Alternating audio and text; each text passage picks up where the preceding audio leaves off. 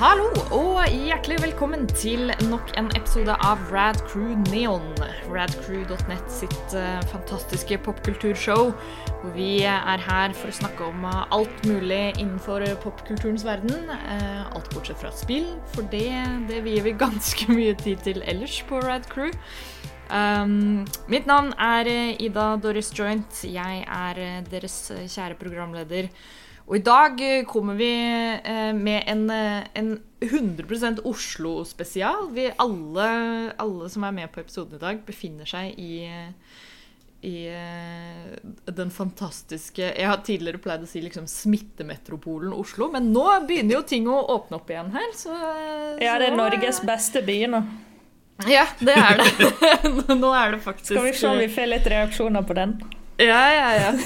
Norges beste by, Oslo. Det er her, ja. det er her vi alle befinner oss. Jeg kan gi en reaksjon på det nå, nesten. Ja, jeg kjenner Fredrikstad-patrioten ved min side her. Du, det er jo for øvrig en fin Segway inn til eh, å introdusere de som er med meg. Jeg har her ved min side Fredrikstads ukjente sønn Joakim Hauge. u ukjente sønn. Er du ikke Fredrikstads store sønn? Jeg vet ikke om jeg, jeg vil ikke påstå det. Ikke enda. Ikke enda. Er Fredrikstads vordende sønn, eller uh... kronprinsen av Fredrikstad Nei, nei uff. Æsj. Det er i hvert fall deg, Joakim Hauge. Uh, og eh, med meg over Discord så har vi uh, Beklager for å dra deg ut fra Du er sikkert knee deep i Mass Effect-remaken Nei, remasteren, tenker jeg. Stemmer det? Ja. Ja, det er Yngvild Runde, som eh, kanskje noen kjenner fra hovedshowet til Rad Crew. Oh yeah. Du har vel vært med på Neon et par ganger før, men det begynner Og det er lenge siden. I så fall. Ja, det. Så det var på tide at du kom tilbake, si. Um, vi skal i hvert fall eh, snakke litt om uh, Love, Death and Robots i dag. Ikke fenomenene Love, Death and Robots, altså. Vi skal snakke om, om serien som befinner seg på Netflix. Um, den har vært nevnt eh, tidligere i, i bl.a. anbefalingsspalten og sånt, men jeg innså at vi hadde ikke laget en skikkelig episode om det. Og nå er jo sesong to uh, ute. Og da er det brennaktuelt å, å prate om det igjen. Så, så det er rett og slett det vi skal gjøre i dag. Eh, og så eh, ja, får vi kose oss med det.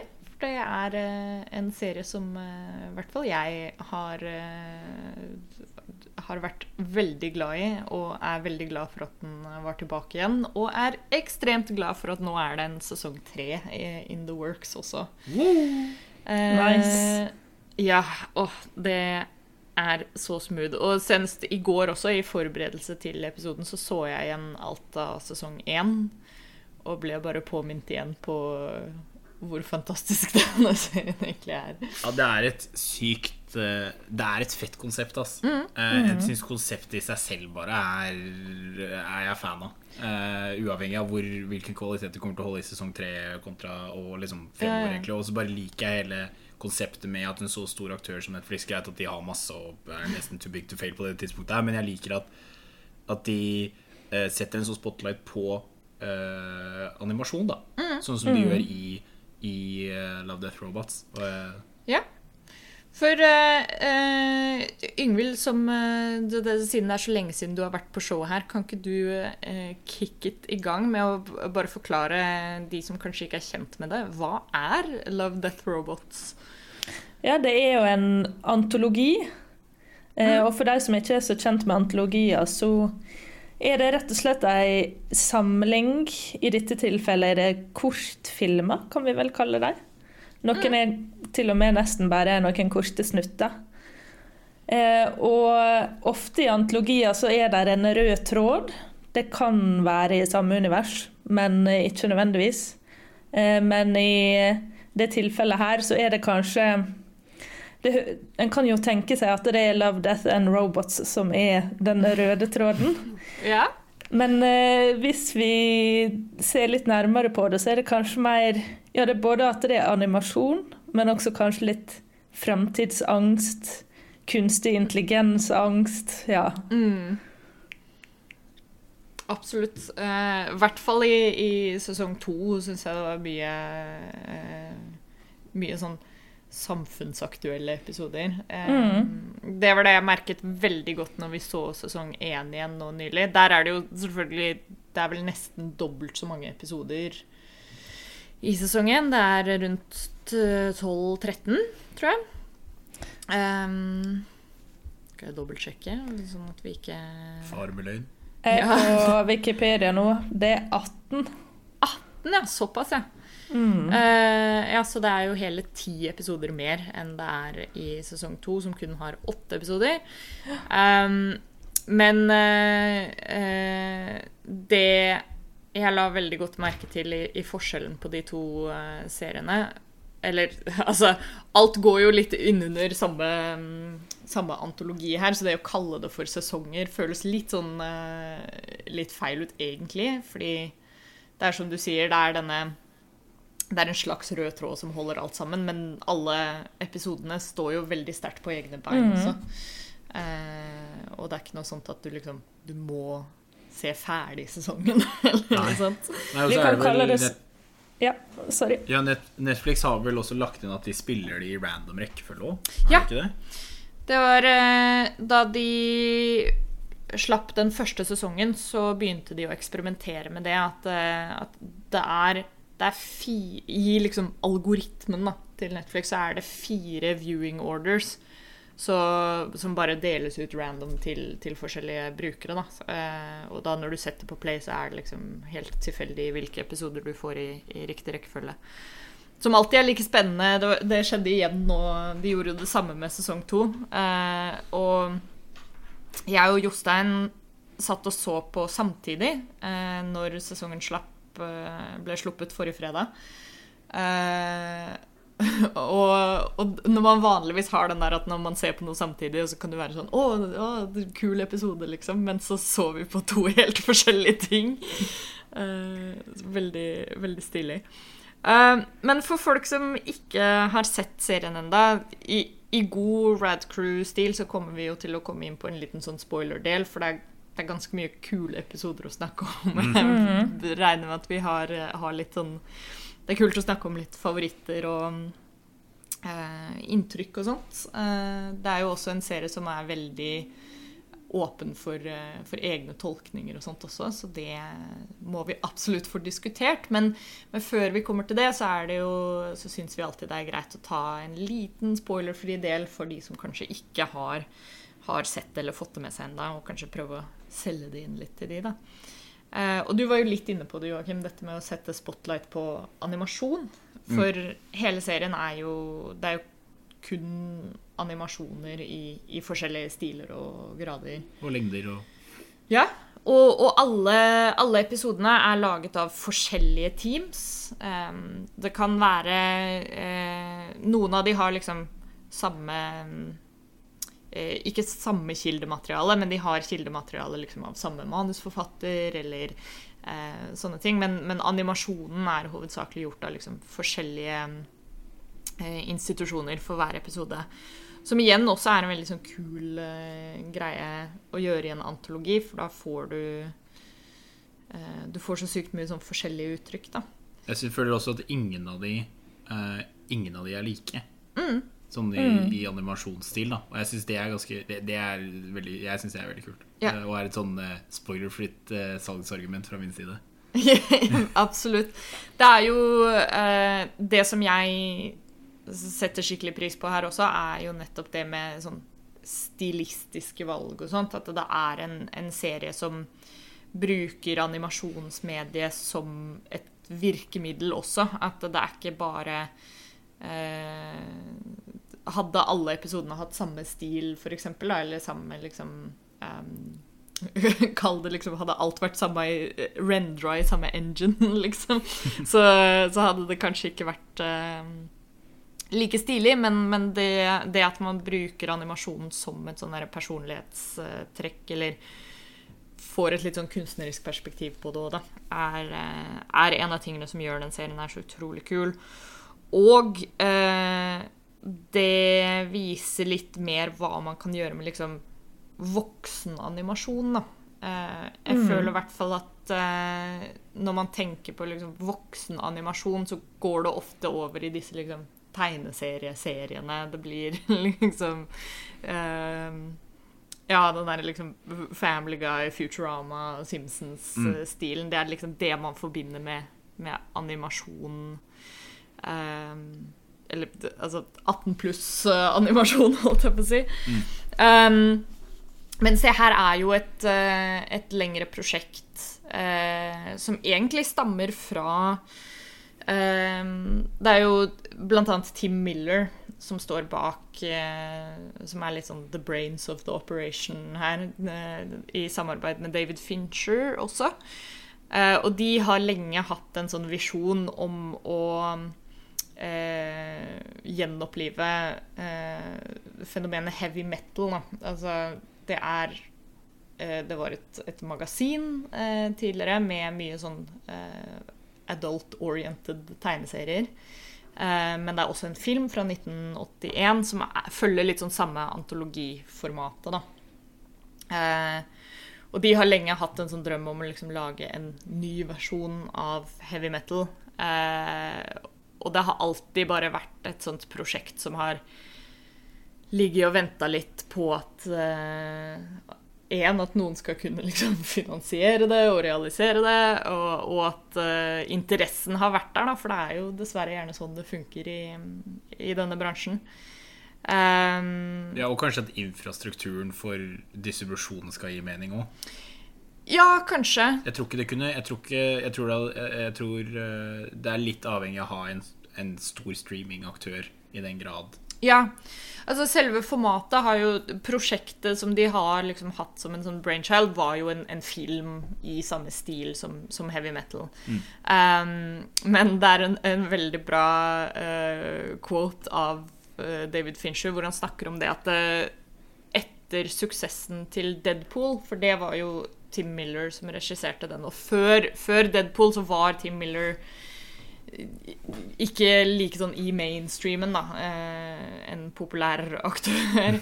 Men pga. suksessen til Deadpool så var det litt sånn OK, nå har vi liksom Nå har vi populariteten min, altså David Fincher, og populariteten til Tim Miller. Og da kan man eh, eh, Da har man litt leverage da, for å få, få det prosjektet på beina.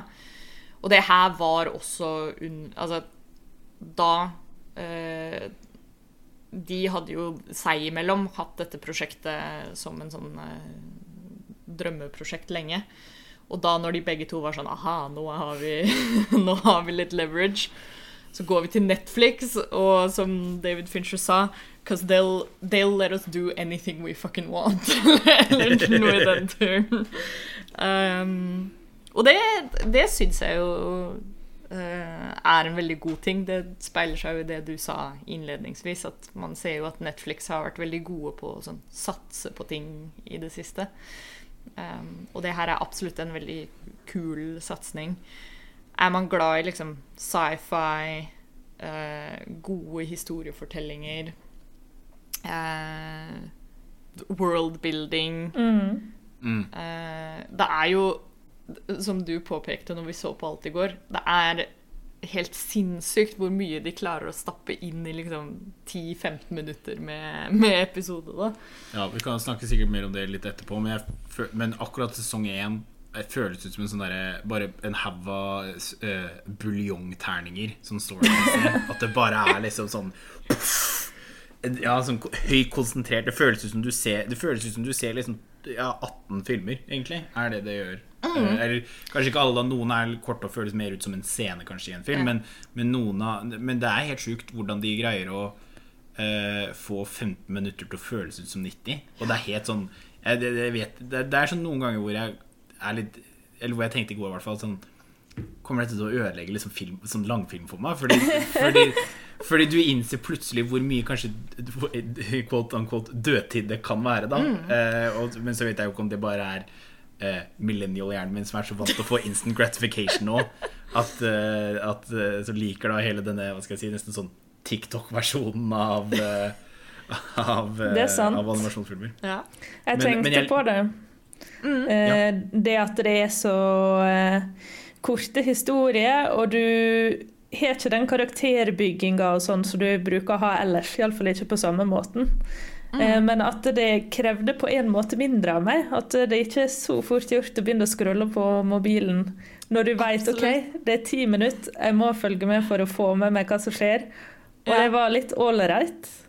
Ja, det, det, er, det er et utrolig greit format, og jeg har jo sung the praises av det her utallige ganger på Neon, men jeg er veldig fan av det å liksom å bryte opp litt konvensjonene som vi er vant til i moderne film og sånt nå. At ehm, vi I hvert fall storytelling-messig, da, som du sier, med liksom karakterutvikling og, og, og sånne ting, så føler jeg at det er veldig vanlig i moderne film at det er litt sånn Du, du får på en måte alt inn med teskje, da, eller du får liksom Du får svar på alle tingene, og du Det er veldig lite som liksom blir eh, Det er veldig lite som du får lov til å liksom eh, tøye grensene med da, i, i det universet som du blir presentert. Mens i Det er jo en, en rød eller en gjenganger i alle disse eh, kortfilmene her, er jo at det er veldig mye rom for liksom egentolkning eller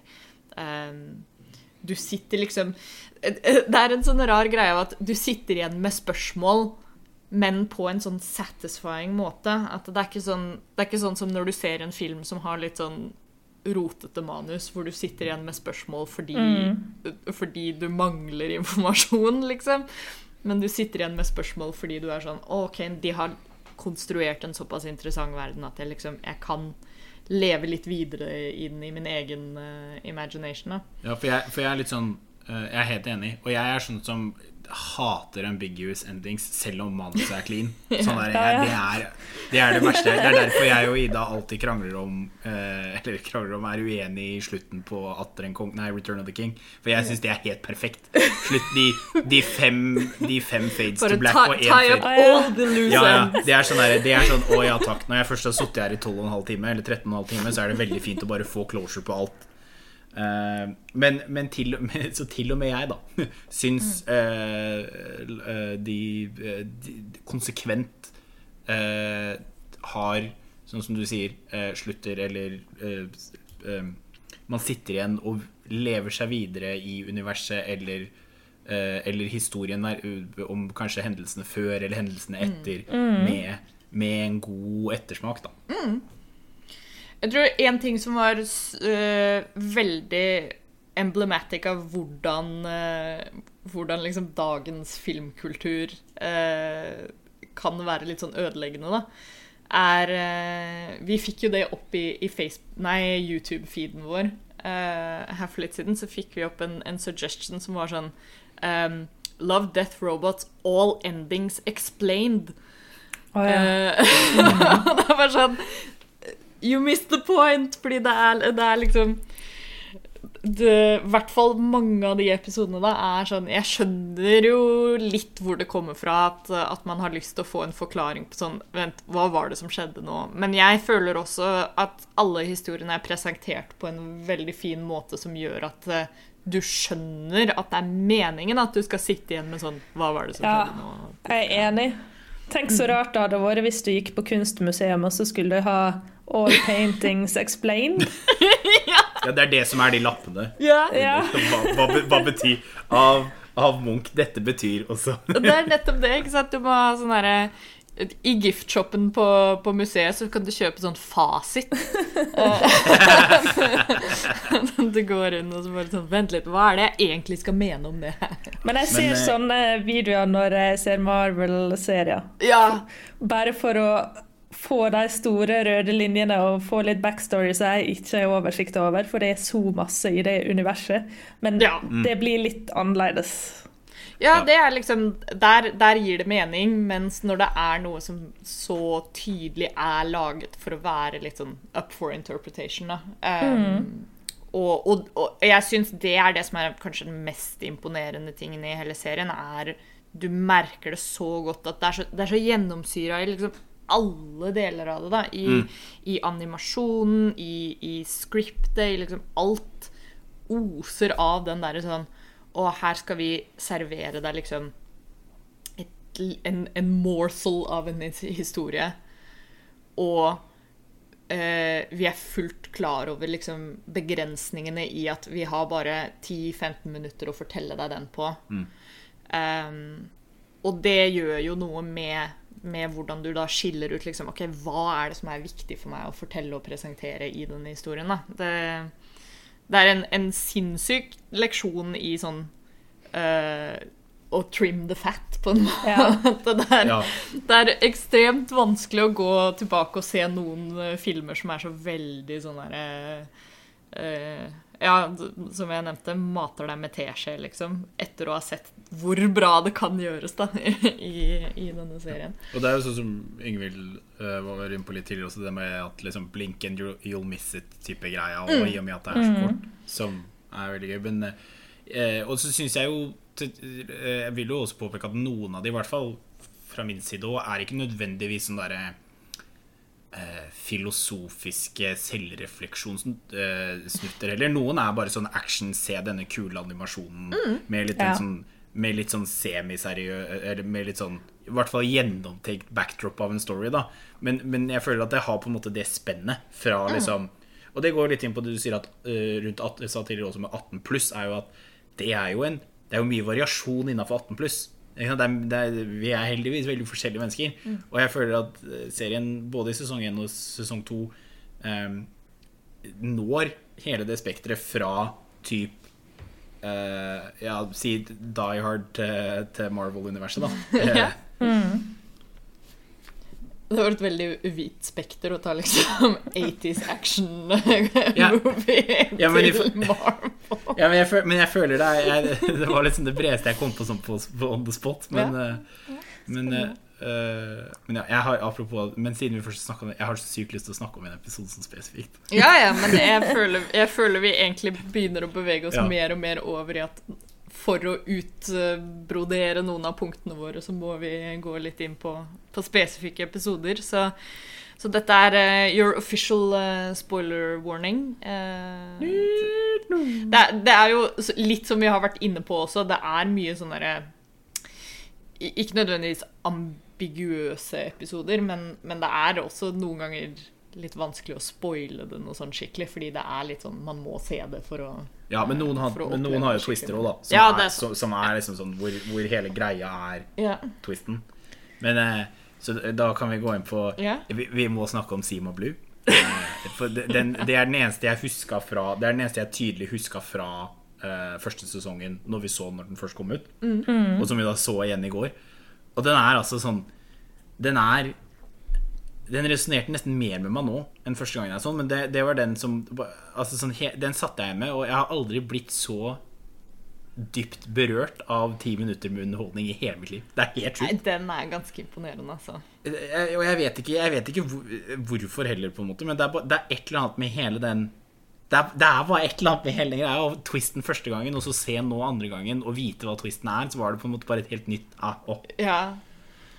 Jeg husker også første gang vi så den. De, de, den er kanskje beste eksempelet på det derre hvor, hvor mye sånn worldbuilding og sånt du kan cramme inn i så lite tid. Mm.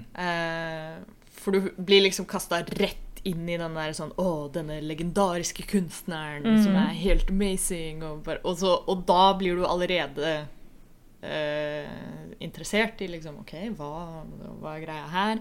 Og så ser du Jeg syns en veldig interessant ting med serien er jo at man blir jo også litt sånn farga av uh, å ha sett de tidligere episodene. Så mm. med den episoden spesifikt, i viewing-orderen vår, så var jo den sist i hele sesongen. Og da har du jo sett så mange episoder hvor det er en eller annen twist, eller liksom det er noe sånn weird som skjer. Så du sitter jo litt allerede med den forventningen. At du, du klarer liksom ikke å bare se den introen og være sånn Å ja, OK, kult. Nå, nå skal vi se hva som skjer her. Fordi når han begynner å, å vise disse maleriene og sånt, og så blir du sånn Å, oh, hva, hva skjer? Fordi du, du anticipater en twist eh, på en måte, da. Ja. Jeg liker også det at eh, en går fra en person som eh, ser ut til å være et menneske, til at det er en robot. Ja. i- opprinnelig, men ofte så er det andre veien at den blir lurt av noen som ser ut som et menneske, så er det en robot under.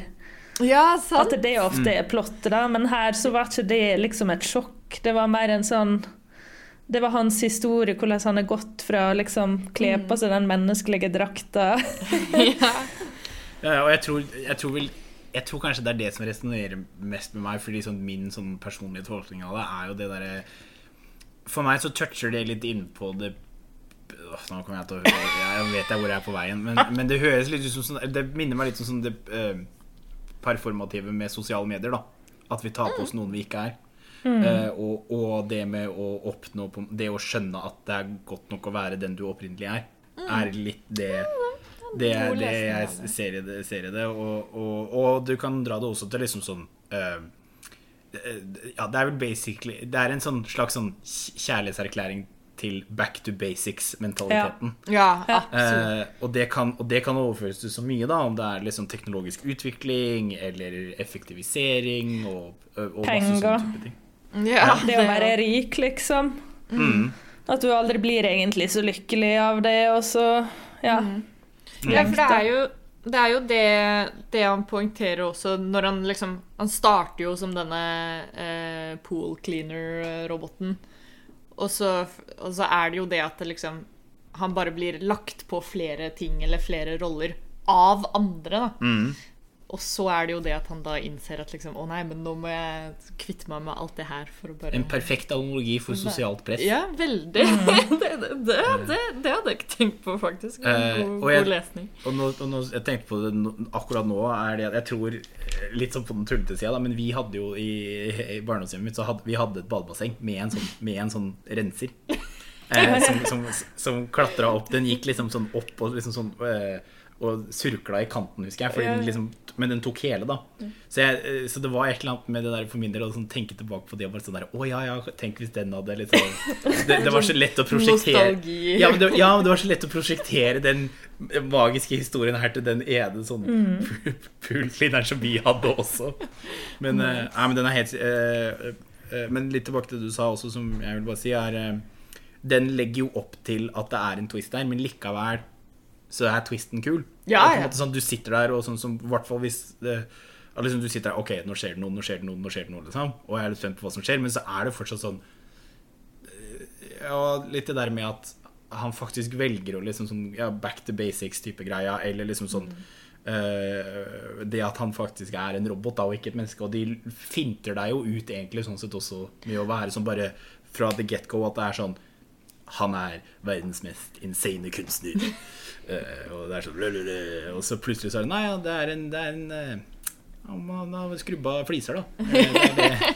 Fliseskrubber. Ja, det, Og jeg ja, det- liker veldig godt at de også tar denne myten om kunstneren, så han kjenner litt fra Ja. Banksy og sånn. At Mm. de er litt sånn urørlige geni, og så vil han Ja. egentlig bare være den enkle. Roboten. Ja, han bare Nei, vet du hva, nå skrur jeg av akkurat nok. Og det syns jeg er en fin sånn eh, detalj. Da, at han skal akkurat skru av nok brain functions til at han greier å uh, sette pris på at han er hjemme igjen. Ja. For det er ikke bare det at han skal tilbake. igjen. Han skal liksom Nei, nei. Han skal tilbake, men han skal også ha med seg nok av det han har lært til å sette pris på det han originalt hadde. Og det syns jeg er en veldig fin detalj som jeg, hadde, som jeg, hadde, som jeg ikke huska fra første gangen jeg så han. Hvor det var sånn Å ja, ja, ja, han skal, han skal vite at han har det bra. Ja, det er en, en veldig sånn Altså, Det er jo ikke akkurat subtilt blir feil ord å bruke, men, men det er jo eh, Ref det Yngvild sa innledningsvis, sånn den, den derre fremtidsangsten eller, eh, eller sånt. For det, man ser jo det at liksom, han er sånn i konstant utvikling, men så er det i bunn og grunn det han ville, var å bare chill out og skrubbe fliser, liksom. Ja.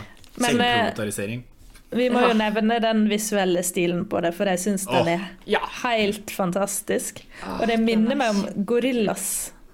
Ja, det gjør det! Ja, veldig.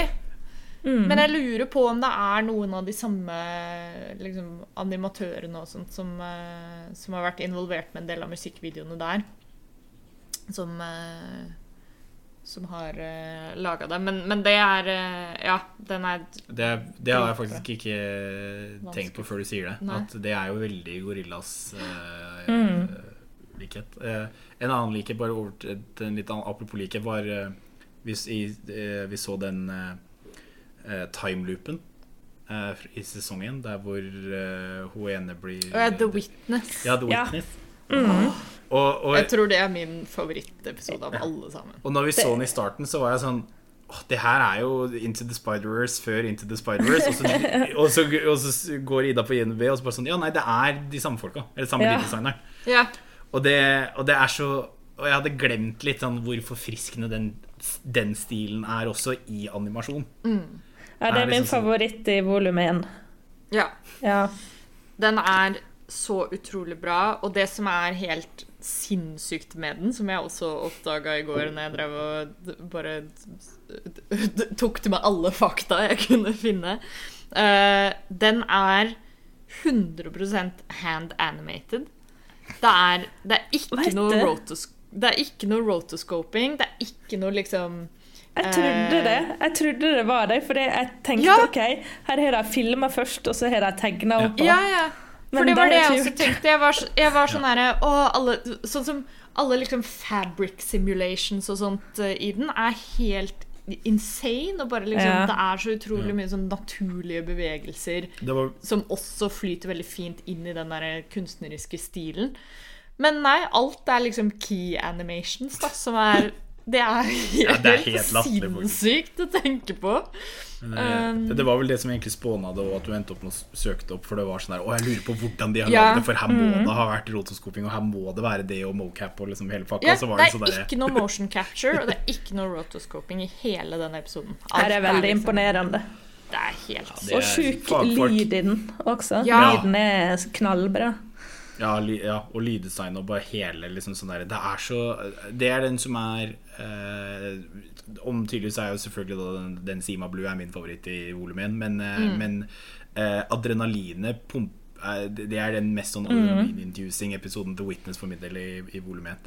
Den er liksom intens fra start til slutt. Den, Ja. Du får ikke puste i et sekund fra, fra action starter der. Nei, den er eh, Den er så bra, den. den eh, og, og den bare Den har liksom eh, Igjen det der med hvordan du liksom ikke ender opp med å sitte og scrolle på telefonen når du ser på det her. Det er at det er så, du får så mye feedback. Ikke bare i form av at historien er interessant, men her med det visuelle også. Så bare det å ha en sånn kul stil på det, og at det er litt sånn ulikt noe du har sett tidligere det er, Jeg tror kanskje beste måten å forklare det på er at liksom hvis du tenker deg akkurat samme episode, da, liksom helt samme story, men bare i Kall det liksom sånn klassisk sånn uh, Triple A game cutscene-animasjon. Det hadde jo ikke hatt samme uh, Nei. samme Eller, eller for å gå andre liksom. veien også, hvis det hadde vært liksom sånn tradisjonell anime Ja. uh, også, så ville det vært mye mer Mye mer eh, Hva heter det sånn long frames, da. Eller mye mer liksom, så Det ville ikke vært den samme intensiteten i det. Eh, og Nei, oh, jeg, det, det en ting som jeg tenkte på, var når når de, når de på en måte unnhviler hvor stor byen er, med alle de blokkene, Ja. og hvordan det først er en veldig høy blokk og, det, og Jeg vet ikke om det er bare fordi jeg er fra Distrikts-Norge, da. Jeg syns sånne blokker er veldig høye. Men, men det at når du, når, når du først kommer en blokk, og du ser sånn Å, shit, den er svær, liksom. Og så går, føl, går kameraet litt videre, og så Å ja, nei, det er den minste av disse sju-åtte blokkene Ja, ja. rett bak. Og jeg, bare den, bare den liksom sånn framinga der husker jeg i går var litt sånn der, Det tok litt pusten ut av meg. Hvor det var sånn Åh, fuck, her bor det så mye folk her. For, for, litt sånn Ja. Det der med at hvordan kan en fyr liksom bare jage en dame som skriker? Hvordan er det ingen som griper inn, da? Eh, var liksom sånn tankene mine akkurat da. Så nei, nei, det er jo fordi det er sikkert en, milli, en milliard mennesker i, Ja. i den Det er sikkert skriking hele tida i den byen der. Ja, ja, det ja, er sånn det er litt, eh, New York 1975. ja. ja. Det er også Det var noe som jeg bare tenkte på nå, egentlig.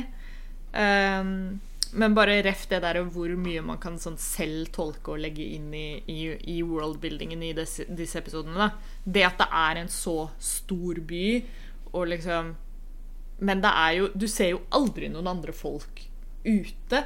Sånn når de er eh, Eller i hvert fall veldig lite folk, da, i forhold til det du kanskje ville trodd at eh, man skulle se på gaten i en sånn by. Sånn som når hun løper liksom gjennom de nabolagene og sånn, så er det sånn Det er jo ingen der. Så så alle er liksom inne og holder på med sitt, da. Og så har de prestert å liksom gjøre det litt sånn ambiguous og med at det er lyst ute. For det kan bety at liksom enten at det bare ikke er så mye som skjer. Men, det, men jeg syns det er veldig vanskelig å, å uh, liksom pinpointe når, når på døgnet det er. Når handlinga foregår. For det kan være, det kan være uh, klokka uh, tre om sommeren et sted hvor det er lyst veldig lenge. Eller så kan det være liksom sånn kjempetidlig på morgenen. Eh, og rett og slett byen har ikke våkna ennå, da. Eh, men, eh, men jeg syns jo det er Jeg, jeg, jeg Ikke for kinkshaming, men jeg syns jo det er rart å dra på sånn lateksklubb klokka sju på en søndag, liksom. Sånn, folk må få lov til å gjøre det de vil, men, men det, Så det ligger jo liksom litt til at det er veldig sent på kvelden slash veldig tidlig på morgenen. Men det er pga. lyssettinga at det ikke er mørkt, så, så kjenner jeg i hvert fall sånn det, det er liksom desorienterende på en god måte, da. Ja, den eh, følelsen av klaustrofobi er kanskje enda sterkere når det er dagslys. At du er fanga i dagslyset på den måten. Ja, det er sant. Og så syns jeg også looken til hun dama som eh, er sentral her Hun har en ganske ikonisk look med den svarte sminka og Ja. hun, Det er veldig sånn sterkt visuelt, egentlig. Hele, det er ganske intenst der. Jeg tror ikke jeg hadde klart en og en halv time med en film Nei! i det tempoet.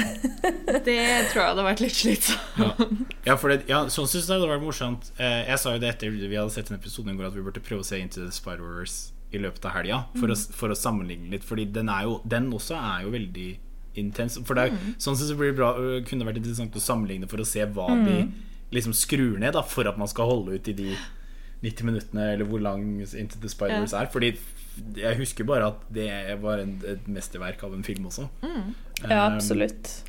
så det, så det, det er vel Ja. Nei, det, men det, ja, det er en kremepisode, det òg. Jeg tror kanskje den episoden som som vi snakka om tidligere, sånn når, du, når det kjennes ut som den er mye lengre enn det den egentlig er, eller at du blir helt sånn derre What? Har det bare gått ti minutter, liksom? Og det har skjedd så mye. Det er enten den derre Den um, den The Secret War-episoden, den med de russiske soldatene i, oh. og de, de der weird alien-greiene. Den er liksom sånn Du føler at du har sittet og sett en hel krigsfilm, liksom, Ja. etter, etter den er ferdig. Og den um, eh, Beyond the Akila Rift. Ja. Um, Ja, den virker veldig lang. Ja, Ja. det var sånn Jeg, jeg husker jeg måtte Vi, måtte vi satte på pause midt i, for jeg skulle på toalettet. Og så, og så var jeg sånn Hæ, what? Har det bare gått fem minutter allerede? liksom, det hadde Ja. skjedd så mye greier. Oh. Og så Og ja, og bare Den forteller Den åpner et sånn derre helt univers for deg og forteller og liksom gir deg sånne små drypp, da. Men ref det jeg var inne på i stad, du sitter igjen med spørsmål på en sånn satisfying måte. At det, du er ikke sånn Det er sånn Du klør etter å vite mer, men det er bare mer av en sånn ren nysgjerrighet. Det er ikke sånn du klør etter å vite mer fordi det er sånn Å, jeg, jeg er unfulfilled, liksom. ja, du trenger ikke å få liksom confirmed hva som er canon. Nei! Hvis du skjønner, er sånn der, du, kan, du, kan bare, du, kan, du kan lage din egen headcanon, og det holder lenge. Ikke sant? Sånn der, å, jeg lurer på hva som skjedde etter at de bomba det Russerne bomba det Googles-hølet. Ja. Liksom sånn der, er, det liksom sånn faktisk at dette var uh, under andre verdenskrig? Uh, liksom sånn Er det det at det ikke er en sånn sci-fi-setting, da? Eh, eller sånn apokalyptisk okkult setting. Det er faktisk det, men det skjedde faktisk i Russland. Eller Sovjet på grunn av det, altså liksom At det faktisk er ekte, da, quote on quote. Og, og at de bare ja, nuka de. Eh, Men igjen, det er, liksom, det er ikke viktig å liksom få det confirmed om det faktisk var greia eller ikke, men oppi hodet mitt så, så, så var det det. Ikke sant? For jeg føler jeg er sånn typisk, typisk Sovjet. Ja. Ikke sant? Sånn der, ja, nei, vi hadde en sånn der okkult gul infestation, men vi bomba den. Så det går, det går greit nå. Men jeg syns um, Ja, sånn som Beyond the Kila Rift, den var litt forutsigbar for oss som kjenner litt til science, fix, eh, Ja. science fiction-sjangeren, vil jeg påstå.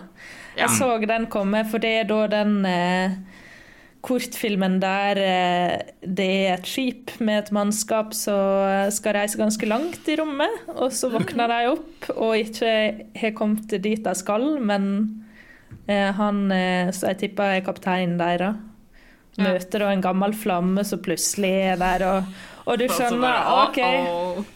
Her, her, eh, den gamle flammen er nok egentlig et monster, og så Ja. var, var hun det. Ja. Så jeg syns det er sånn det, Kvaliteten kan variere litt, og jeg føler at det er større sjanse for Eller at det er oftere sånn at jeg enten lykkes veldig godt, eller mislykkes, etter min Altså, det, og, og eh, det blir veldig sånn Klarer du å mestre det korte formatet eller ikke? Ja, uh, veldig. ja. Det er veldig tydelig hvilke episoder som er liksom Jeg syns alle har en sånn overhengende greie av at uh, ja, det er, det er imponerende og kult, men selvfølgelig, det er noen av de som sitter liksom De sitter som et skudd. av Det er, liksom, det ja. er noen av episodene som du bare Etter de er ferdige, så bare sånn ah, åh, det var dritbra. Og så har du ja, sånn som den, da, som er eh, man kan, Når man ser den, så er det sånn Oi, shit, ja, kult, eh, kult konsept og kul story, liksom. Men det er ikke den som, som blir med deg på, på vei til jobb dagen etterpå, liksom. Hvor du tenker sånn hm, ja, Nei, det er litt kjent historie. Det er liksom Ja, en ikke sant. historie jeg har hørt før. Been there, Eh, done that. Men en ting når eh, Jeg er helt enig, Mm. men, en, men det fikk meg til å tenke på at de hvor de kjører litt i tradd eh, Eller de ikke overraskende historiene, så føler jeg ofte at de som lander skikkelig godt der for, for min del, er der hvor de er veldig selvbevisste på det og, og, inn, og, og injekter litt humor i det. Og er litt, litt meta med det, da. Eh, eh, sånn som Og hvilket så, Sånn som yoghurt-episoden. Eh, Yoghurt-episoden føler jeg er liksom sånn Alle vet Du vet hva som skjer der fra du setter deg ned, eller fra, du, fra liksom de sier det, men, men likevel så er det sånn De har da valgt å gjøre det med liksom yoghurt. Ja. Ja. Uh, Og bare latterliggjøre det på en sånn måte at det er Jeg syns i hvert fall det er veldig Den, den type metahumoren der er jeg sykt fan av. Liksom sånn, og, hele liksom sånn, og, de, og de drar det så langt om i at liksom sånn Ja, vi vil ha Ohio. Eh, og, og, og liksom det at de, de eh, bygningene deres er sånne yoghurtbokser, og plutselig så er det og plutselig så er det romskipa som skal ut i verdensrommet, og, det, og så er det de yoghurtboksene. Så bare, det er den derre Når du først skal kjøre en sånn Når du først skal kjøre en sånn type trope, da, så er det eh, så kult at de gjør det så absurd. Det Ja, føler jeg ofte ja. for meg. Sånn som, med, sånn som med den alternative history-greia også. ja. Mm. Hvor det er sånn her ja, Er det den med, med fryseren? Nei. Nei, Nei, den, det er eh, med, den med de Hitler-timelinesene. Ja, ja. De forskjellige måtene Hitler dør på. Liksom sånn, nei, han blir encased i et sånn russisk gelévåpen. Ja. Ikke sant? Det er sånn der, Alt er bare sånn her super ridiculous. Det er, det er ingen av de Du starter jo episoden, og så er det sånn Å, kult, nå kan vi se liksom Å, det er alle de klassiske tidsreisescenarioene hvor det er sånn Å, du drar tilbake og dreper baby Hitler, eller sånne ting. Men så er det jo ingen av de tingene som skjer. Nei, Alt er bare sånn superabsurde Ja, ja, og det er det Og den siste er jo Den siste linja, tidslinja er jo den beste, at han eh, eh, Death by fornication, Nei, basically. nei, ja, nei, det er, nei, men at han blir truffet av en, meteor, en sånn avbiter av en meteoritt som kommer og eh, ødelegger Ja, hele jorda. Men, og, og wiper ut menneskeheten og 93% av alt, alt uh, liv der. Men musene overlever og starter eh, Nei, rottene overlever og lager et sånn uh, og, og basically gjør det samme som menneskene. Da finner opp demokrati og sånne ting. Og så ender rottene opp med å nuke planeten på nytt igjen. Så da er det eh, Da er det blekksprutene som gjør akkurat det samme, men de greier å komme på månen da. For det er jo det som er liksom slutten her, at det er sånn Det er forskjellige ja, folk som lander på månen. Og da er det alltid den derre Flurbergurg i first, First squid on the moon. year two million, et eller annet. Men jeg må gi en uh, shout-out til uh, jeg, For meg så funka volum to bedre enn volum én. Jeg ble Ja. kanskje litt overvelda av volum én. Mm. Eh, kanskje det hadde funka bedre for meg å dele det litt mer opp. Men Absolutt. volum to så jeg i ett sett og satt liksom og fikk bakoversveis på noen av de kortfilmene. Eh, spesielt når den trioen med den Ice kom. Mm. Det, det er samme gjengen som da laga Sima Blue, leste jeg. Ja. Og, så, og den var veldig sånn Også veldig visuelt slående, ikke sant? Eh, kanskje ikke like originale historier som Sima Blue, akkurat. Men eh, jeg satt liksom Det var bare noe med det visuelle som var veldig gripende. Og så fikk du Pop Squad, så var Plutselig er det en helt annen animasjonsstil. Og det er så forfriskende å få disse her avbrekka avbrekka mellom stilene. Du liksom klarer å følge litt bedre med igjen, ikke sant? Det er kjempekult. Ja. Eh, det, det er interessant at du nevner det, fordi Joakim og jeg snakka litt om det etter vi så, episode, eller så sesong én i går igjen også.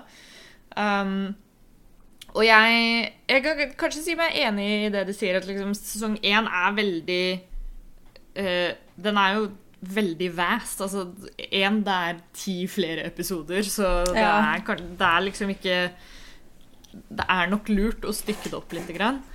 Men, men det som slo meg veldig med, med bare de forskjellige historiene som fortelles, eller noe sånt, da, så kjentes det veldig ut som at eh, sesong én har flere av disse kortfilmene som, som har mye worldbuilding og kjennes ut som liksom sånne små universer, på en måte. Mens jeg følte at sesong to var mye mer sånn enkeltscener. Eh, det, det føltes liksom eh, Buljongterning kontra snapshots. ja, ja, det var, det, det var analogiene du brukte. Men jeg forstår hva du mener. At det er, som en, det er mer som et kakestykke av hele kaka. Det er liksom Ja. tatt en actionsekvens eller Ja. Ja, for det, for det følte i hvert fall sesong én har mye av de liksom Du merker at det er en slags sånn Selv når det er litt sånn åpne slutter, så er det en slags slutt. Det er liksom Du, du føler at her er det naturlig at det kommer en rulletekst, eller liksom Du, du klarer å legge fra deg den historien, på en måte, da.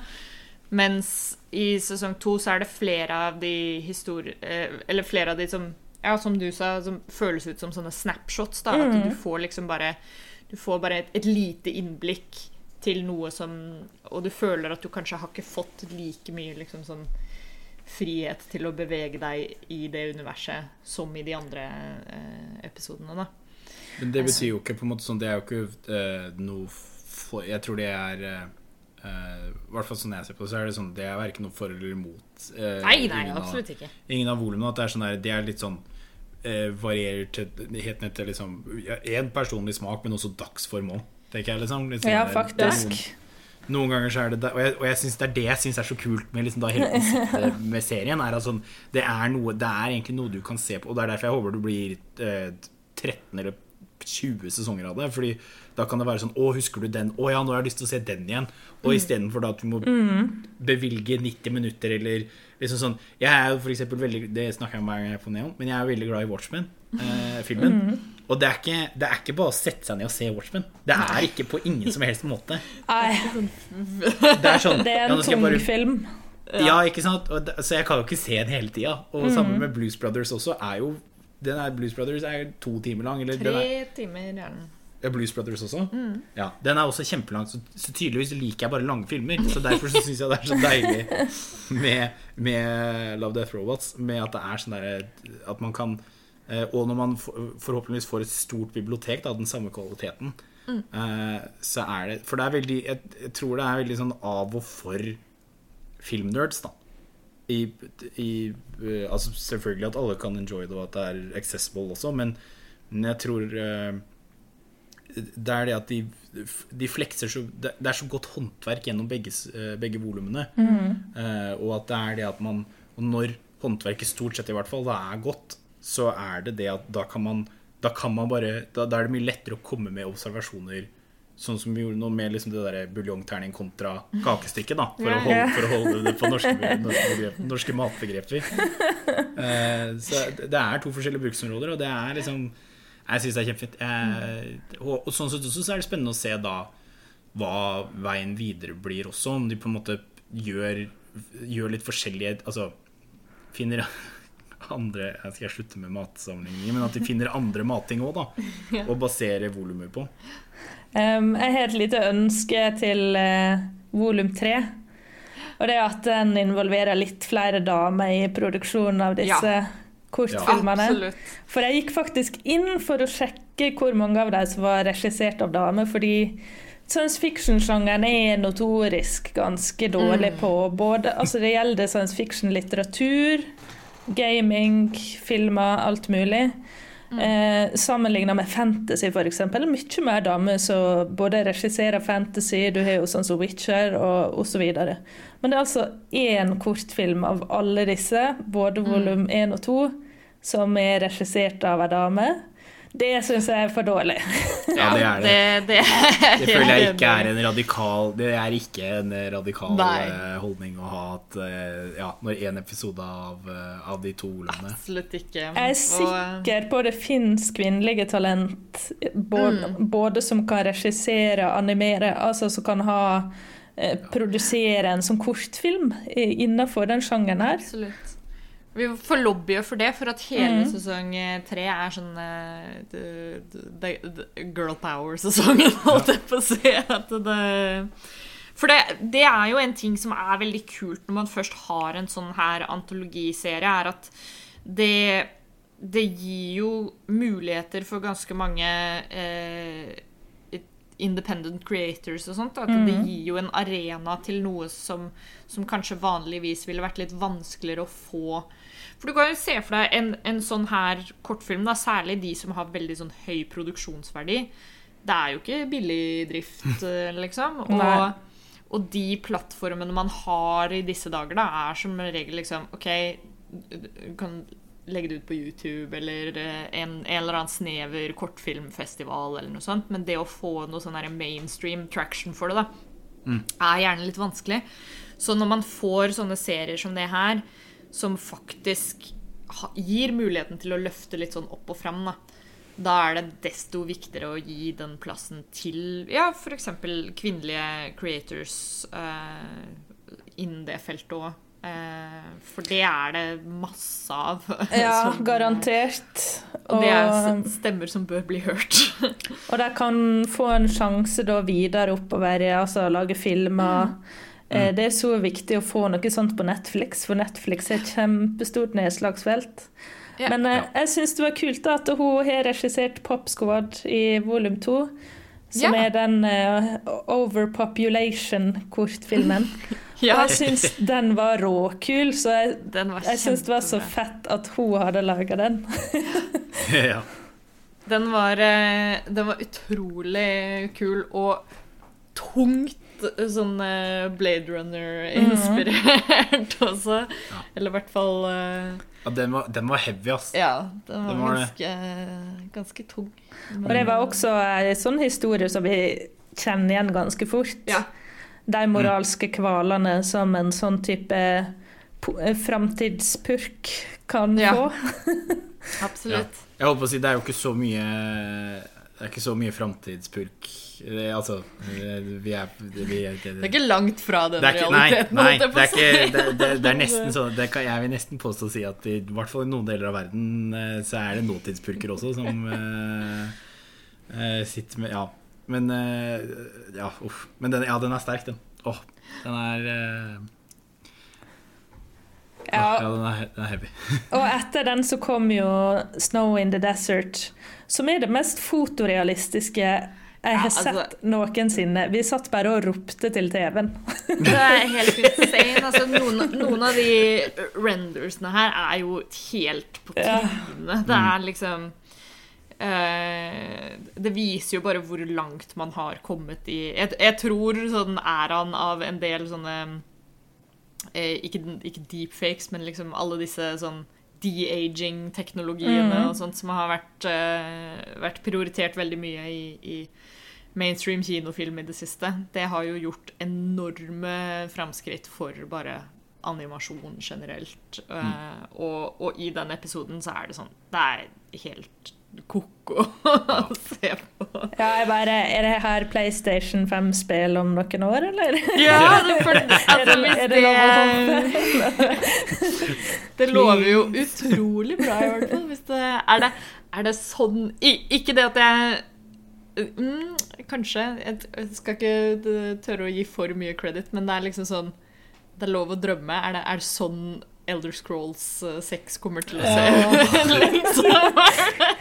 Det tror jeg vifta skal få gå varm. Ja, oh lord.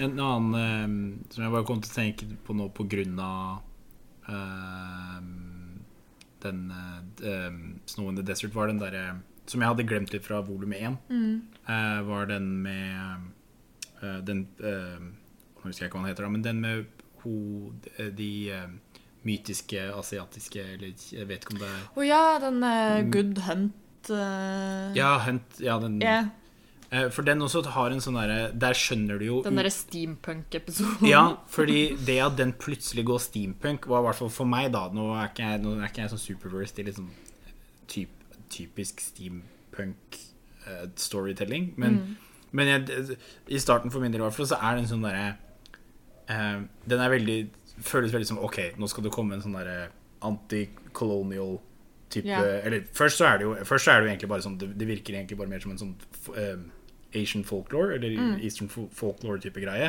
Og så plutselig så går det liksom inn på Å ja, ok. Ja, og så er det litt sånn eh, antikoloniserings- eller eh, kolonikritikk, og så plutselig så tar det den derre sci-fi-twisten eh, i det på toppen, og liksom greier å kombinere liksom alle de tre typer greiene sammen, mm. eh, er også det, kult. Det er en veldig mm. stilig episode. Den, og, ja. og, det er jo det, er det, som er litt sånn fascinerende, for i hvert fall sesong én har en god del sånne episoder som er veldig sånn female empowerment eh, på en måte, Så derfor er det jo desto viktigere Ja. å også få liksom La oss få de historiene fra faktisk kvinnelige stemmer, liksom. Jeg tror jo der Ja. også har du en Ja. en, en konge, et konge eh, Eller et veldig bra konsept for volum tre der, da. Om, i, I og med at det også er en anthology series, at det gjør jo at du har mye friere rammer innafor uh, sesonger enn ellers også. Men, men jeg, jeg sånn sett så skulle jeg gjerne likt for å se at de da eh, gjør noe Passer på å gjøre noe annerledes som gjør at sesong tre skiller seg ut fra de Eller volum tre skiller seg ut fra de to første, så kunne jeg veldig gjerne likt å sett en sånn girl power, eller all, all female, da. eh, type, eh, type volum. Og det eh, tror jeg av erfaring nå, da, med å ha blitt gjort så bevisst på det over de senere åra, eh, tror jeg ville gjort til en veldig interessant eh, Mye interessante og nye, mye mer freshe historier som jeg tror serien kan ha godt av. Uh, og for ikke å snakke om sånn som Ingrid nevnte tidligere med liksom hvilken plattform det kan sette, da, og liksom viktigheten for creators også. Men, uh, men også fra en da en casual consumer-side, da.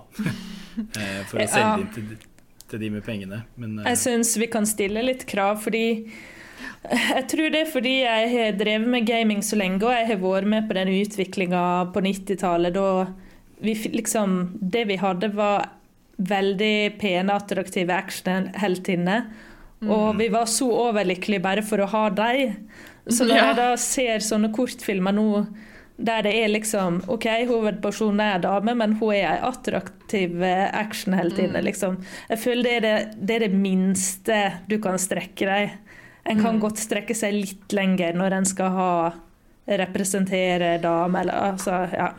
Absolutt. Det, det er jo, if anything, det som, det som jeg la veldig godt merke til ved å se sesong én på nytt igjen, ehm, er at sånn Greit nok at du er én litt sånn inspirert av av eh, heavy metal og, og den estetikken fra 80-tallet, som er veldig også sånn derre Women are objects, og mye liksom uh, Det er en veldig distinkt stil da, i, i de tingene. Og um, det er veldig tydelig uh, og, og, liksom, og igjen, greit nok at det er en 18 pluss-serie, og at du kanskje liksom OK, vi, vi flekser at det er det ved å sette inn litt sånn nudity og sånne ting. Men det er, det er noen steder hvor det er litt sånn OK, come on, nå Det her er det en dude som har skrevet, liksom. Ja. Ja. Og, og, og det er jo også kanskje litt sånn tilbake til det du sa med hvordan noen av de episodene kan være veldig sånn Dette er en sci-fi-historie vi har hørt før, eller dette er veldig sånn predictable. Ikke for å, ikke for å sånn skjære alle mannlige creators over en kam her, men det er jo Vi har jo mange eksempler på det at det er sånn Å, men, men kanskje denne historien har blitt fortalt før, men akkurat sånn som jeg forteller den, er liksom Ja, altså, det. nei, jeg føler det er eller, jeg- det eller sånn jeg, jeg- eh, har noe viktig å si her, så da, da, må, da må den historien fram. Ja, jeg syns det er helt innafor å si. Eh, for det var litt det jeg, jeg sikta til også tidligere. Sånn, av erfaring så Redd fra et storytelling-perspektiv, så uh, er det andre Altså Folk som ikke er hvite heterofile, men har andre perspektiver på livet. Det er bare sånn det er. Ja. liksom. Fordi man er forskjellige mennesker. Eh, og eh, det gjør at du får forskjellige perspektiver, og det gjør at det er andre historier som blir fortalt. Og det i seg selv er Altså, altså sånn hvis, du, hvis ikke bare rettferdigheten i å la alle slippe til Hvis det ikke er nok for deg, da, av en eller annen merkelig grunn, så, så bør det i hvert fall være liksom storyteller-fanen i deg som bør være sånn Å, men her kan Dette er dette er, jeg vil si, det er en bankers måte å få nye historier på. Er å bare slippe til flere. Ja, altså det er jo, det er jo sånn det funker. Ja, det, og, ja. og særlig Den diskusjonen har jo gått litt sånn nå i, i det siste med eh, Ja, med liksom sånn som uh, cyberpunk, og, og at det har blitt litt sånn derre resurgence i den diskursen. da. Men du har jo Jeg syns det også er veldig interessant å tenke på det at science fiction som sjanger, da det er rom for så utrolig mye kule historier der, og det er liksom Det er sant. Og jeg bare tenkte på det med Returnal, som kom ut nå ganske nylig. Ja. nylig. At de satser der på en middelaldrende kvinnelig karakter som ikke er spesielt sånn tradisjonelt attraktiv. Hun er litt eldre, hun har vel et skada øye, og hun har kort hår på den måten. Og, og jeg syns det var så fett, fordi alle sånne der undersøkelser de gjør, viser jo at det som selger mest, er en sånn og sånn type spillfigur. Og den er vi litt lei av. Ja, Eller- veldig. Vi som, Ja, det- altså, det er så kjedelig når det alltid blir samme oppskrifter. Ja, det er sånn, Jeg spiser ikke Jeg, jeg, bestiller ikke den samme iskremsmaken hver gang. liksom Jeg gjør ikke det. Jeg gjør ikke det, liksom. Det er Må ha drittkjedelig. litt. Ja, men jeg vil, jeg, om, ikke, liksom, om ikke jeg vil ha variasjon mange ganger, så vil jeg i hvert fall ha muligheten for å kunne velge noe annet. Og det er i hvert fall sånn jeg, eh, I hvert fall når det kommer til de sjangerne som kan romme så utrolig mye, da. Så er det sånn du Når du Ja, når du får sånn som de episodene som er sånn OK, dette er predictable, jeg vet hvor historien går.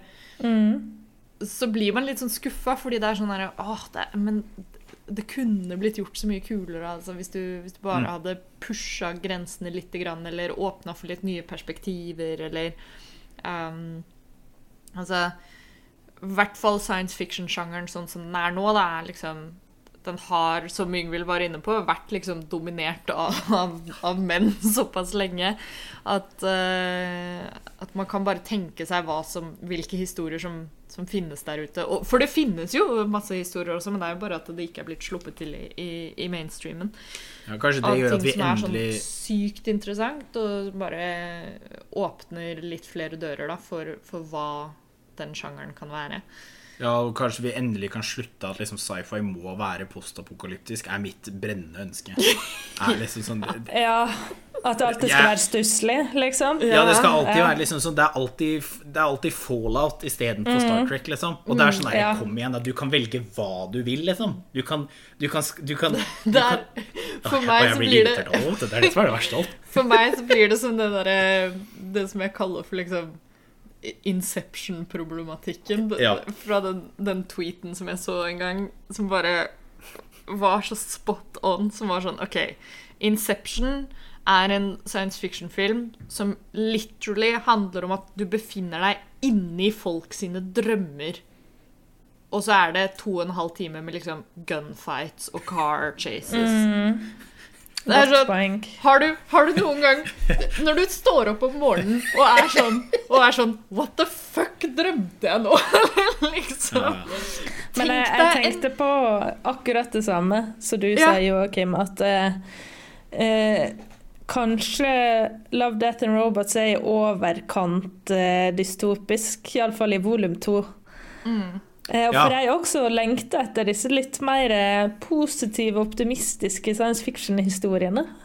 Ja, for de, de finnes ikke. De heter i så fall Star Trek. Og er, er liksom sånn min erfaring av det, da, hvorfor jeg er så glad i Star Trek, da, eh, er jo fordi de tør å De tør å se for seg at vi Star Trek eh, tør å ha håpet på menneskeheten eh, på en sci-fi-måte. Og det er det, For det er det som er på en måte Det er grunnen til at jeg stort sett ikke liker postapokalyptisk sci-fi. Er fordi det er noe underbyggende nihilistisk ved det. eh, ved Ja. liksom sånn, dette får vi ikke Dette kommer vi ikke til å få Vi er fucked uansett, da. Så hvorfor liksom Så det eneste vi, det eneste vi kommer til å overleve på, er trass. Eh, og det er sånn Ja, men hvis du Ja, da, det blir den Inception-greia, da. At det er liksom sånn der Å ja, du kan, du kan velge fra hva du vil.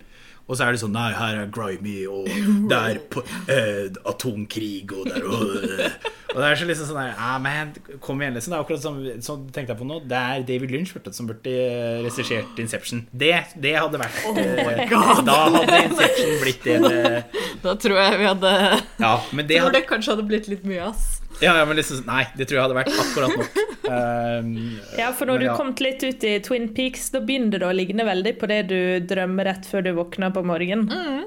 Ja, men, men det gjør jo det. Jeg føler nesten alt David, eh, Alt jeg har sett av David Lynch eh, Ikke at jeg har sett sånn kjempemasse, eh, men ennå. Men Jeg syns vi kan få flere av altså, Ref det å få litt sånn science fiction som, som snur ting litt sånn på hodet, da. En episode i sesong to som jeg syns var kjempebra, bare sånn uh, ved å være litt sånn subversive, er den derre juleepisoden. Å ja. Uh, Ja! For det er sånn Det er jo ikke noe Du, du ser den, og så er du sånn Å ja, OK, det er, hvor er liksom sci-fi-biten? Det er ikke noe, det er ikke noe postapokalyptisk univers, eller det er ikke noe Og så er det bare det sånn Å ja, nei, julenissen er et monster, liksom. Ja, det, er, det er sesong to sin yoghurtepisode for min del. Ja. Det der med at de tar den tradisjonelle Det greia, og så bare, og så bare snur de og, og inserter jeg, yeah. åh, jeg, lo så, jeg lo så jeg gråt når, det, Og, når og så er det bare så julenissen herlig sånn helt på slutten, når hun er sånn derre what would, what would have happened if we weren't nice? Eller sånn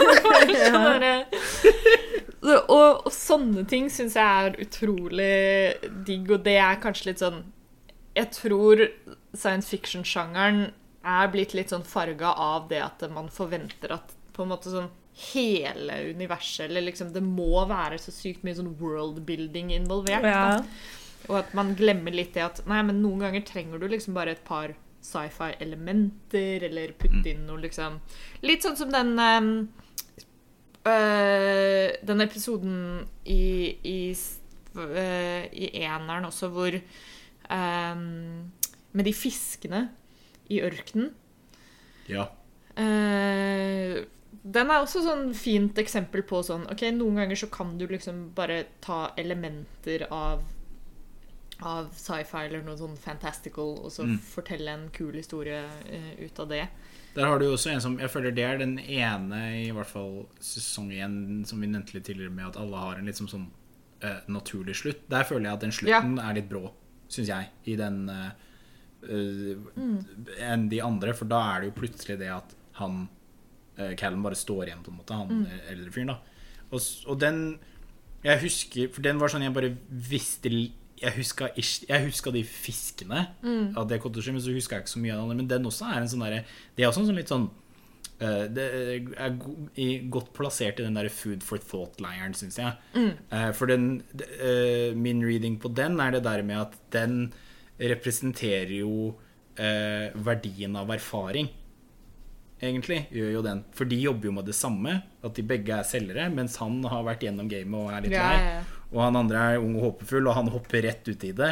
Eh, og du ser jo at det er jo det som da ender opp med at han Mm. ikke kommer tilbake igjen. At han, han har ikke den erfaringa med å eh, teste the waters, da, Mm. pun intended. Eh, men, eh, men ja, jeg, men en, en annen fra sesong to som nev, nevnte vel litt tidligere, er jo den Ice, syns jeg Ja. um, er en interessant Den er jo Den tror jeg kommer til å være høyaktuell om 20 år. Eh, Ja. i, i, I forhold til designer babies og, oh, ja. og, he, og hele det opplegget der, da. Og liksom sånn det stigma og Modifications og sånn. ja, og altså Det er jo noe man kan si på en måte som en, som en, eh, som en hvit mann, men jeg tror at hvis man ikke er hvit, så ser man jo også noen paralleller til det eh, Ah, ja. i dag. Og i samfunnet, det moderne samfunnet generelt fram til nå også, er det jo en, en ganske sterk para, parallell å trekke der. Eh, men uh, men ja, den er uh, Men den balanserer det så, så bra med å være litt mer sånn et kakestykke, med at de snakker om at liksom sånn Å, de skal ut og se de frosthvalene, eller hva, hva det er. Og, og liksom sånn Det er det at det er en jevnlig greie, men det bygger litt univers, men ikke for mye. Du trenger, du trenger ikke vite hva alle Du trenger ikke vite hva alle de fabrikkene er, eller hva det er. Mm. ting, men, Jeg syns den episoden er kanskje best forklarende det jeg mener med at, at sesong to er fullt av sånne snapshots. Da. Fordi at det, når du tenker over det, så er det sånn Det er ikke noe, det er ikke noe konsekvent liksom, story du blir fortalt i den episoden. Du blir på en måte bare med på denne tingen som skjer. Og, og ja, du blir fortalt liksom sånne ting underveis som foregår i den verden, og som forteller deg mer om, om liksom ja, den hva mer som skjer, men det har jo ikke noe relevanse for liksom det som skjer i episoden. Ja, den er mer sneaky i hvordan han på en måte forteller Ja. bygger verden nå. Og den er veldig Den er veldig interessant med tanke på det at den da da blir fokuset igjen blir veldig på det visuelle da, og animasjonen. fordi at det, du blir ikke nødvendigvis fortalt en historie, men du er med på denne opplevelsen. da. Ja. Eh, og da blir jo det, det visuelle en veldig stor og viktig del av det. Der har du en god oppsummering av forskjellene for min del. At det er sånn, Mm. det ene, Volum 1 er at du blir fortalt historier, mens eh, volum 2 er at du er med på reisen, bare. Ja. Eller ba- bare der er du med på reisen. Kanskje den eh, Giant-episoden skiller seg litt ut, med han kjempen som skyller på stranda. For jeg måtte, etter jeg hadde sett den, den virka så annerledes enn de andre i historiefortellinga. Så etter jeg hadde sett den, så måtte jeg google det, og det er jo faktisk en ganske gammel novelle. Oh. Ja, Så det er ikke noe som liksom er laga for serien, eller noe sånt, men det er rett og slett en adopsjon av noe som er ganske gammelt. Det er faktisk ganske mange av episodene som egentlig er adaptations også. Um, Sima Blue er jo for eksempel Det er en kort eh, En sånn um, short story av Alistair Reynolds. Eh, og det tror jeg Beyond the Aquila Rift er også. Eh, det er i hvert fall noen av de som liksom er basert på tidligere sånn science fiction-verker, da. Eh, men ja, den, den kjempeepisoden, den eh, Den syns jeg var ganske interessant, for den er mer sånn Det ble liksom den poetiske episoden i denne sesongen. Den var veldig sånn den var på mange måter et litt sånn fint pust i bakken, fordi de- andre episodene kan kanskje være litt tyngre eller være litt mer sånn at du får den Ja. der sci-fi-eksistensialismen, mens den her er på en måte eh, Den, den virker på ikke så ambisiøs, sant? Nei, og på, på grunn av den voiceoveren og sånn, så er det liksom den, den gir ikke så mye rom til å liksom å spekulere over det sjøl. Fordi du Igjen refter det du nettopp sa, det med at du er med på opplevelsene, da. Du ser jo denne eventen gjennom han fyren sine tanker og opplevelser, og da da, bli, da er det litt sånn du blir fortalt hva du skal føle og tenke, på en måte. Ja, det var litt uh, Roald Dahl-aktig. Du er tenkte jeg. veldig Og Ja, Gullivers reise og Ja, ja, ja. Jeg var der med en gang sånn der Og nå kommer han til å våkne. Og så Ja, jeg var så klar for at det kom til å skje. Eh, så så det var kanskje det eneste sånn unnerving, at det skulle komme en jumpscare eller noe sånt. Men, Ja. eh, men jeg syns jo det er En ting som den eh, satt igjen med litt på meg, er det derre eh, Det hvor eh, Jeg syns det er en interessant sosialkommentar på eh, hvor skal jeg si Hvor hvor trivielle, fantastiske ting kan bli i dagens samfunn. Mm. Uh, Syns jeg. Og det er et veldig Ja, og, det, og jeg, det, er så mange sånne uh, småting som gjør det. Og liksom sånn det med at de begynte å tagge på den. Ja. Er liksom sånn der, eller liksom sånn og, og, at man liksom skal liksom leke på den. Eller liksom sånn det at det ble underholdning, da. Uh, veldig tidlig. Eh, og liksom sånn, til slutt liksom sånn, ja, så begynte de å liksom skjære av deler og sånne ting. Når de begynte å råtne, og, og, så over til det at å ja, plutselig så ser du liksom noen av hodes, hodeskallene hans er I garasjen. ja, på liksom ute på, på, ja, på landeveien. Og liksom så det, det, er han, det er han, han har skallen til han der kjempen, vet du. Det er, det er han, han nede i gata som har det. Og liksom den, den trivialiteten av det, da, som er eh, Som jeg husker jeg satt igjen med av den, selv om den er den skiller seg veldig ut bare sånn generelt med pacing og, ja. og sånn som du sier, litt sånn lite ambisiøs, da. Men, mm. uh, men, den var veld, men jeg føler det var kanskje sånn Ja, den var, veld, den var uh, Det var jo den sånn som du også sa, Ida, at det var den mest poetiske av det, i den mm. forstand. I hvert fall sånn min reading det, det der med hvor bruk og kast vi er, da. Og liksom sånn Det er veldig Jeg satt igjen med Jeg tenkte på etter at den var ferdig, at sånn Ja, hvis det hadde skjedd i morgen så er det akkurat det som hadde skjedd. Mm, liksom sånn, hvis en kjempe hvis det hadde vært liksom kult de første par månedene, mm. og så bare sånn Å ja, nå glemte vi det. Og, og, så er det sånn som du kommer på i liksom Når nyhetskavalkaden kommer, så bare sånn Oi, shit, husker du det skjedde? Ja, ja. ja. Og det, det, var veldig interessant. Ja.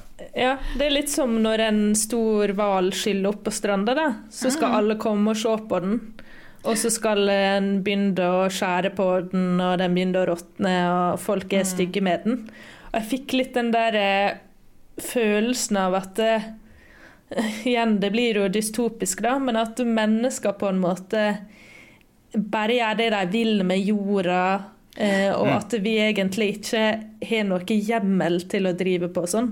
At mm. naturen er fri, men vi går og fucker den opp når vi kan. Da. Absolutt. Ja, ja, det er nesten sånn der det passer oss. Ja, ja. Eh, ikke det bare der vi kan. For det er sånn der, der hvor vi, ja, vi har lyst til å bare ødelegge dette. Eller mm. vi trenger mm. denne, dette ene bi. Det er sånn Ja, eh, bena hans er mye verdt. Ja, men da skjærer vi opp hele, da. Da gjør vi det. Liksom sånn. ah, må vi selge, selge, selge. Ja, vi tilegner, ja, vi tilegner noen verdi, og ikke tenker over nødvendigvis om en, om den verdien er reell, eh, eller to, hva bærekraftigheten mm. ved å tilegne noe en verdi er. Så nei, jeg men eh, der, der kan det, I og med at det ikke sci-fi-elementet er der like mye, så kan det få lov til å være dystopisk for min del. ja, ja. Eller skuffende. Jeg kjente jeg ble skuffa når jeg begynte å tagge på han. Da var jeg sånn Å, kom igjen, da.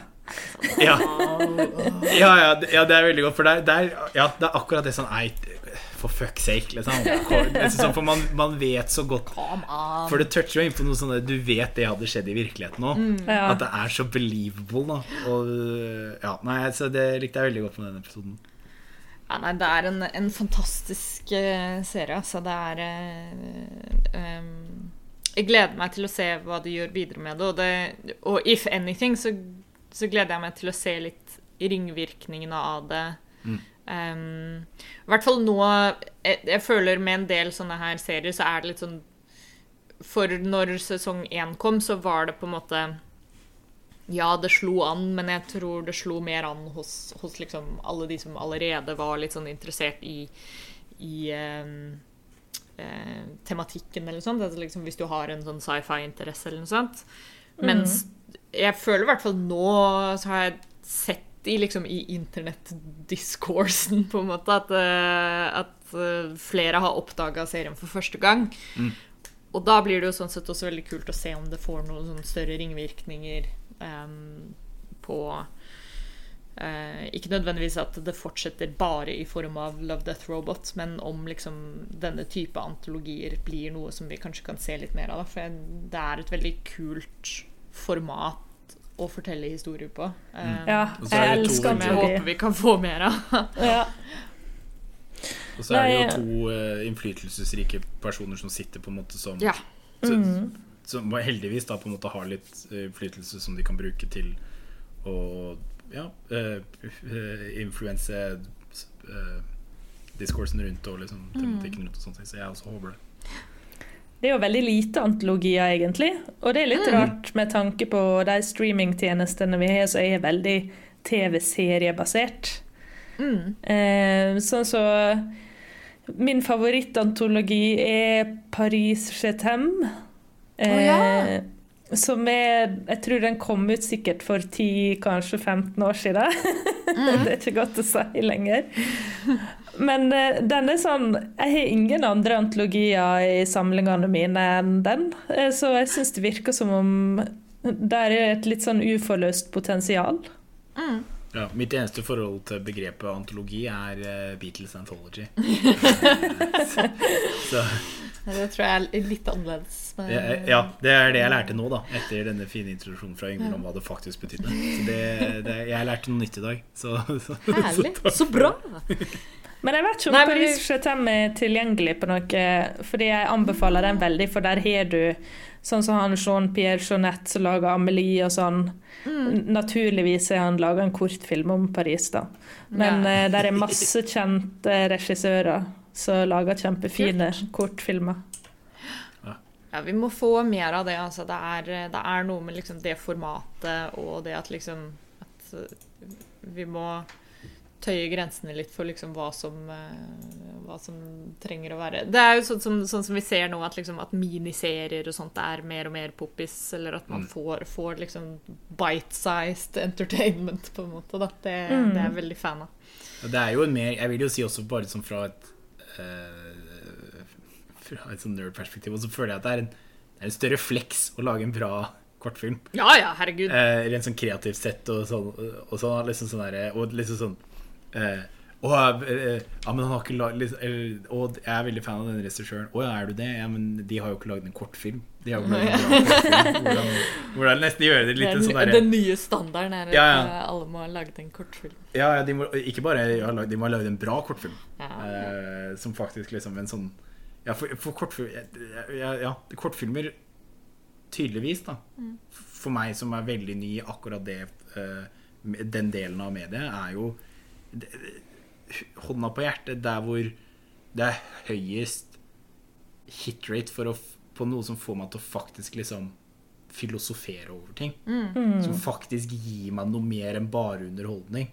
Eh, du ler eller syns det er morsomt eh, eller syns det er kult, men dagen etterpå så er det sånn du fortsetter, det, det fester seg, da.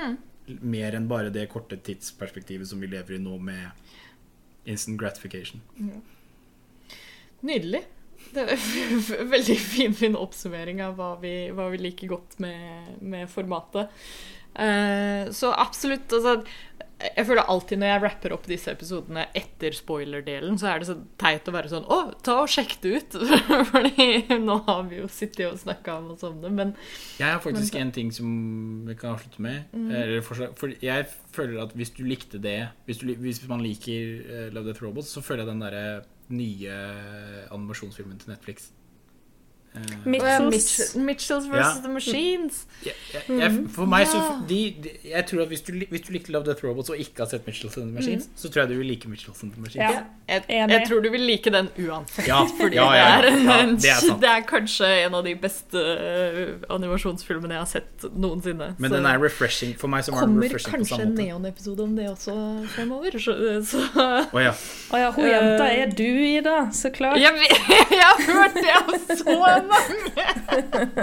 Og det var så sjokk ass, å se det. For, for min del òg, liksom, så var det sånn Det er jo deg! Det var sånn før jeg, Til og med før jeg visste om filmen, så fikk jeg en tweet fra fra Kristoffer Jetmundsen. Shout-out til deg. Så, Uh, så fikk jeg en tweet som var sånn Ida, du må se denne filmen på Netflix!